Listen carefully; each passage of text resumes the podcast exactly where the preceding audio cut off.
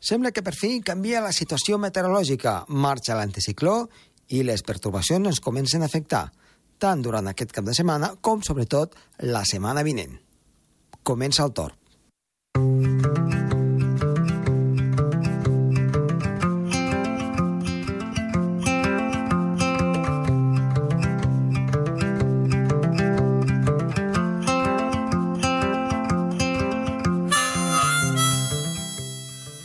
En el programa d'avui tindrem, entre d'altres coses, en Sergi Càrceles, que ens parlarà d'aquest canvi de temps, d'aquesta retirada de l'anticicló i l'arribada de pertorbacions des de les zones altes, en aquest cas de l'hemisferi nord, des d'Islàndia i des de les illes britàniques.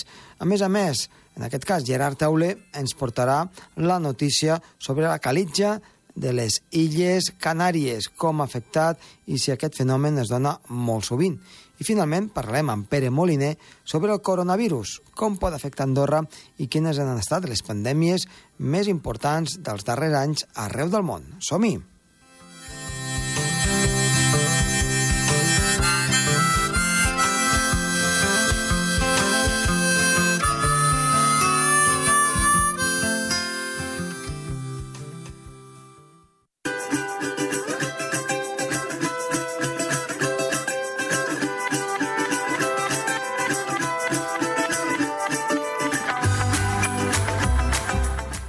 Comencem el programa i connectem amb el nostre company Gerard Tauler. Gerard, bona tarda. Hola, bona tarda, Josep Tomàs. Doncs bé, aquesta setmana parlarem eh, d'un fenomen meteorològic que ha succeït cap a les Illes Canàries i que ha sigut notícia a molts informatius, no tan sols d'àmbit espanyol, en aquest cas, sinó pràcticament d'arreu del món, per, eh, a part, coronavirus a part, és clar, de, a part per, per, per la seva importància no? i pel que ha succeït. Estem parlant de la calima que hi ha hagut a Canàries.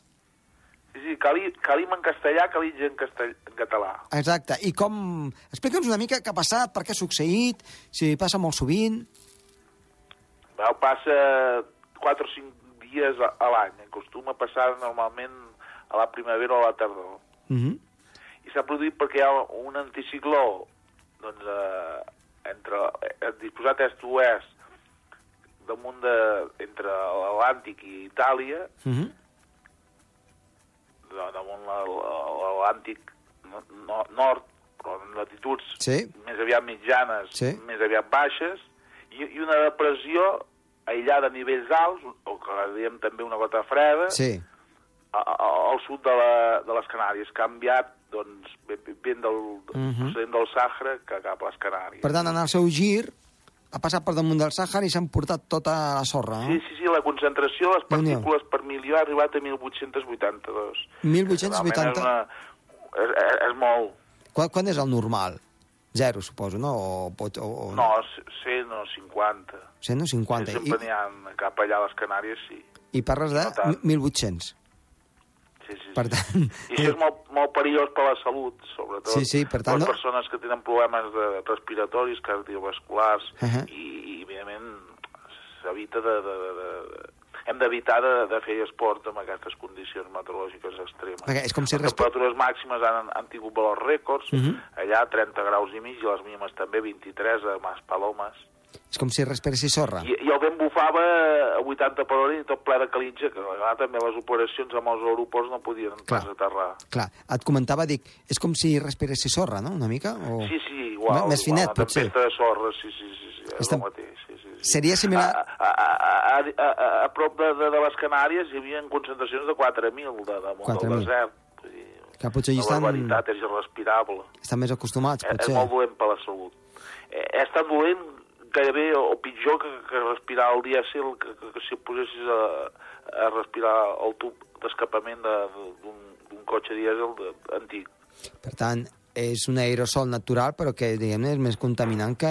Molt contaminant, molt. Uh -huh.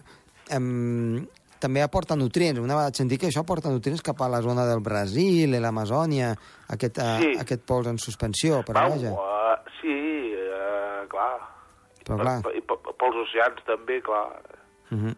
Sí, sí, sí, és, és aliment pels peixos. Sí, sí, Clar. I, i, i, i, i, i, clar, el, el Brasil per, per l'Amazones, clar, per, I els aquestes... sediments del, del riu, Clar. fitoplàncton. Aquesta, diguem-ne, aquesta pols en suspensió, diguem-ne, no és l'arena normal de, de la platja, sinó que seria més petiteta, no? Diguem, Més, més, més petita, sí, mi, mi, PM10. PM10, clar. I 10 i, i, i mi, micres. Uh -huh. Per tant, molt més petit que un gra de sorra, eh? Perquè... La, un mil·límetre, és molt menys petit que un mil·límetre. perquè la gent ens entengui, eh? Una mica, molt més petit que un gra de sorra. I Sí, que, clar, molt menys petit. clar, i això, doncs... Eh, Les pitjors són les dos i mig, eh, per això. Les dièsel, do, dos i mig. Però, però no, no hi ha pas concentracions tan grans a la No, no, no, clar, clar. No, no, no.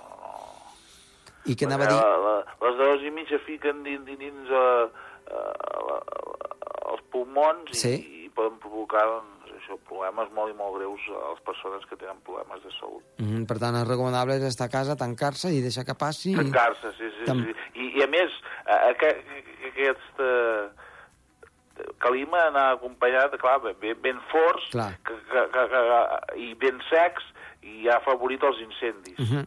Hi ha hagut incendis forestals. Perquè, a més a més, baixava molt la humitat, no? Sí, sí, la humitat era Tot- del 10-20%. Tot i tenir recorregut de, una damunt del mar, no? situació ben crítica. Tot i que té una mica de recorregut damunt del mar, no molt, però vaja.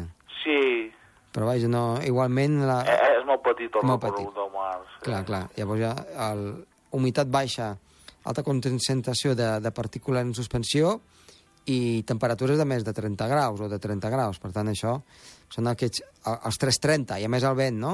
Més de 30 km per hora, més de 30 graus i menys de 30% d'humitat, doncs, Sí, preparat sí, són per un bon 3, foc. els 330 que sempre diuen al, Sí. al màster de, de climatologia aplicada que són els, els que donen foc, no? Bueno, Sí, sí. si algú l'encén també, clar. Doncs molt bé, doncs mira, S'originarà de, de manera natural. Mm -hmm. Doncs hem après una cosa més, eh, aquestes, diguem-ne, això que ens dona una mica la Sí, meteorologia a més vegades, aviat la tardor i la primavera. A l'estiu no, no passa tant. i a l'hivern potser menys, no? És una mica sorprenent, si més no, no? Que estem... Sí. Doncs molt bé, Gerard, que vagi molt bé i Molt t'esperem bé, la setmana vinent. setmana vinent. Adéu-siau. Vinga, adéu-siau.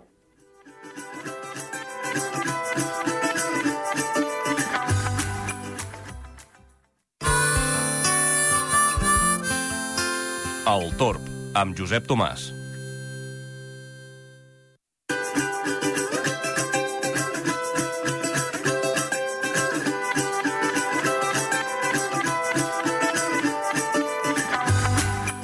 Continuem amb el programa i ara tenim en Sergi Càrceles. Sergi, bona tarda. Bona tarda. Aquesta setmana suposo que deus portar canvi de temps, no? Doncs sí, portem canvi de temps, ja ho hem estat notant, que ara ja comença a respirar-se un ambient bastant diferent i bé, doncs comentarem a què és degut a aquest canvi de temps. Doncs vinga, eh, hem, tenim un anticicló i ara sembla que es comencen a moure les peces meteorològiques.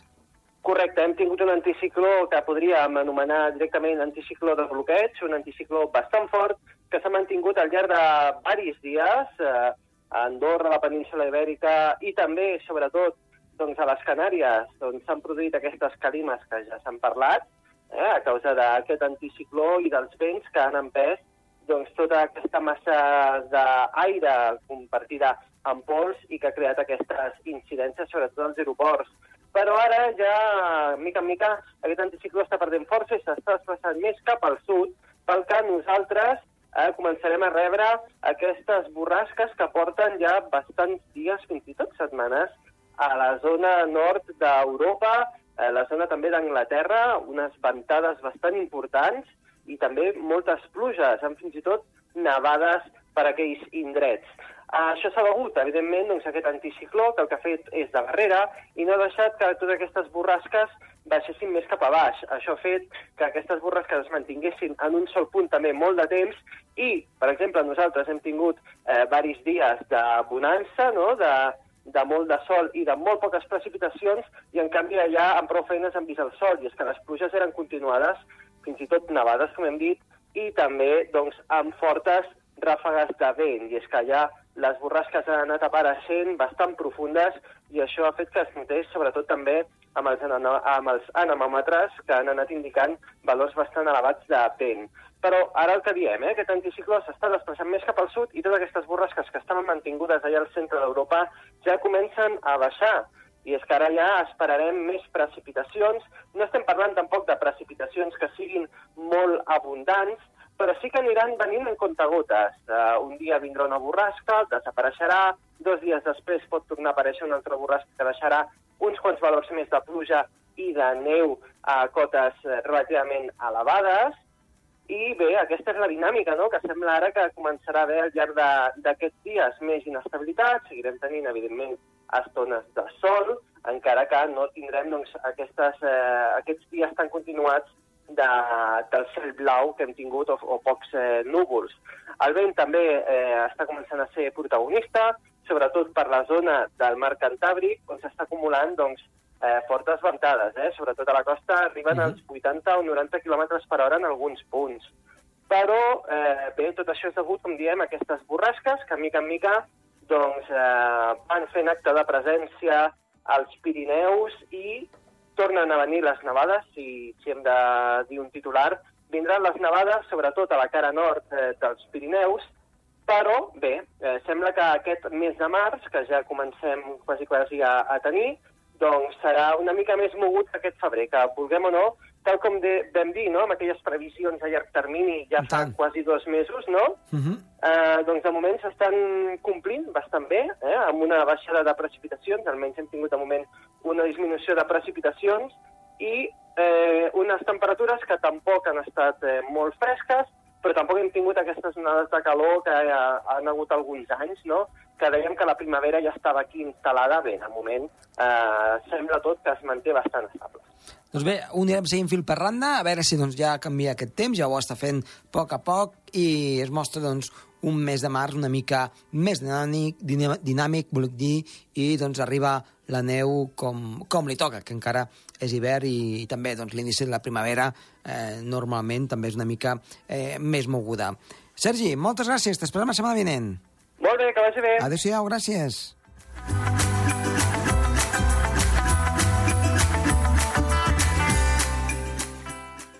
El Torb, amb Josep Tomàs.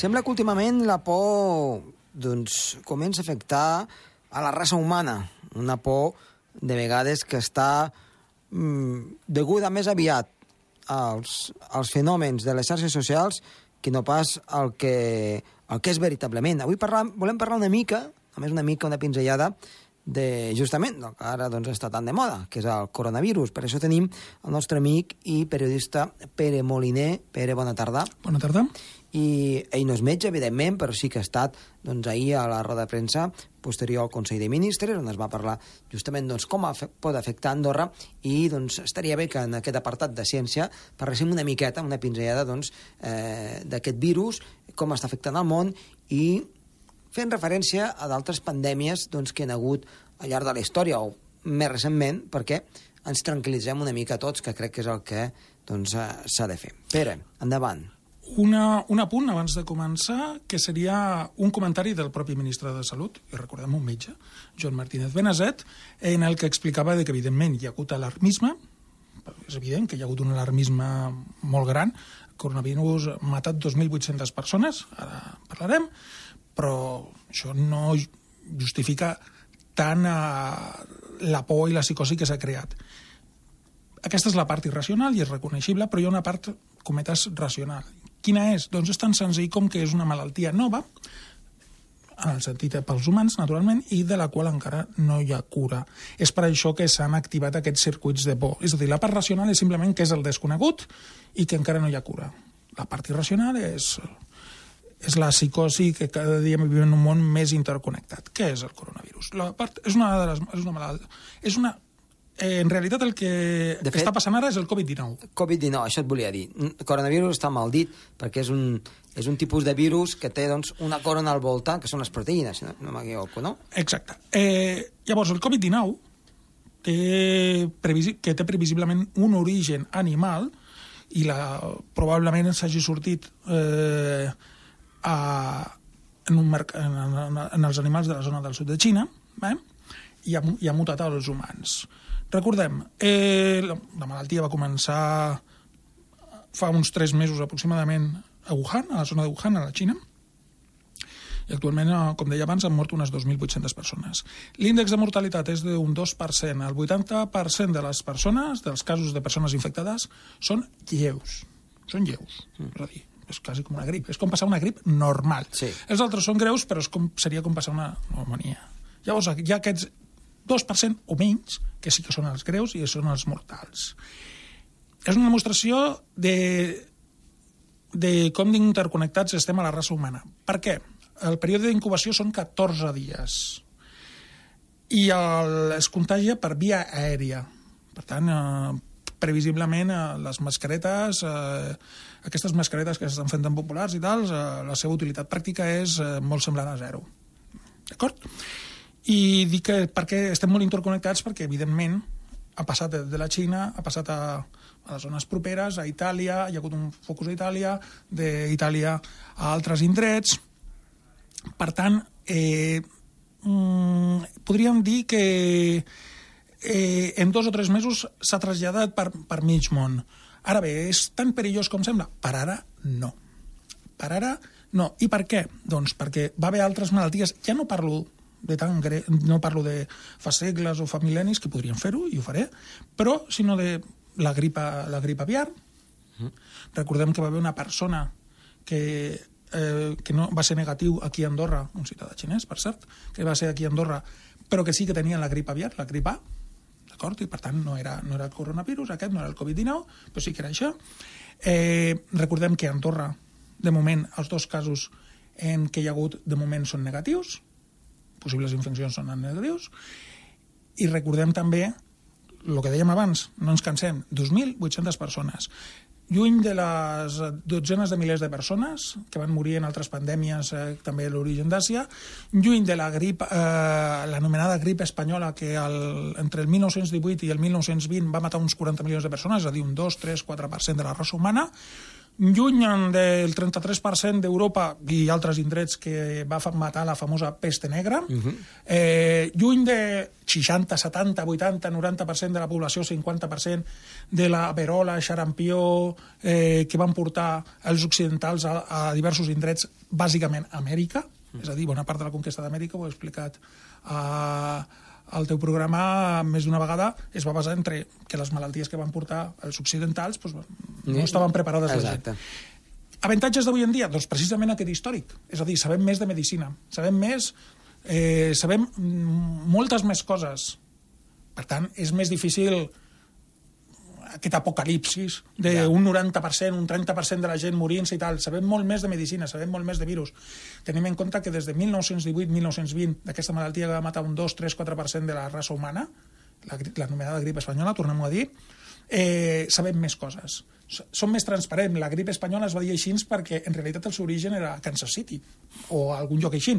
Però com estava en plena guerra mundial, l'únic lloc, un dels pocs llocs on, on no hi havia censura va ser Espanya, perquè no era contendent a la, a la Guerra Mundial, i pues, Espanya va parlar lliurement dels casos de grip espanyola i es va quedar com a grip espanyola, però en realitat s'hauria de dir la grip de Kansas City o alguna cosa similar. Uh -huh.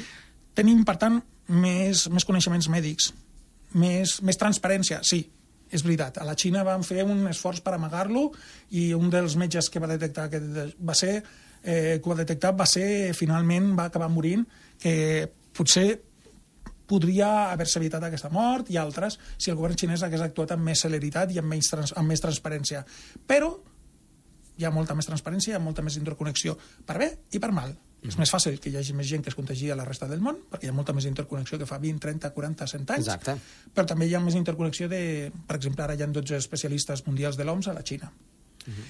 Per tant, eh, és veritat de que hi ha una psicosis i una alarma, una part és raonable, és a dir, no sabem a què ens enfrontem, però tenim molts més coneixements i moltes més coses. I recordem dos números. 2% de mortalitat i, de moment, 2.800 morts, que déu nhi però que està molt lluny del 2, 3, 4% de la humana en dos anys. Uh -huh. eh, també un, recordar una cosa, eh, la gent es cura sola, amb un paracetamol.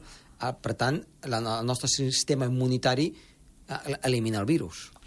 Excepte Record- aquelles persones, potser, que no estan... Una no cosa, que oblidat dir, una cosa que m'he oblidat de dir. A qui afecta més en aquestes malalties? Afecta sobretot a les persones més grans de 70 anys i als que tenen altres patologies associades.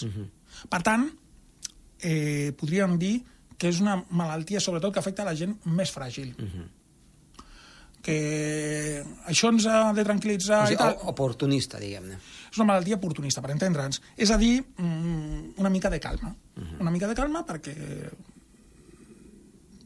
anava a dir que no n'hi ha per tant, sí, sempre hi ha per tant, però que no estem parlant de... Tornem-hi a repetir-ho, estic, soc molt pesat, però és que és així. No estem parlant de la grip espanyola ni de la pesta negra. Pere, doncs moltíssimes gràcies per aquest apunt i ja ho saps, aquí és casa teva. Fins ara. Fins ara.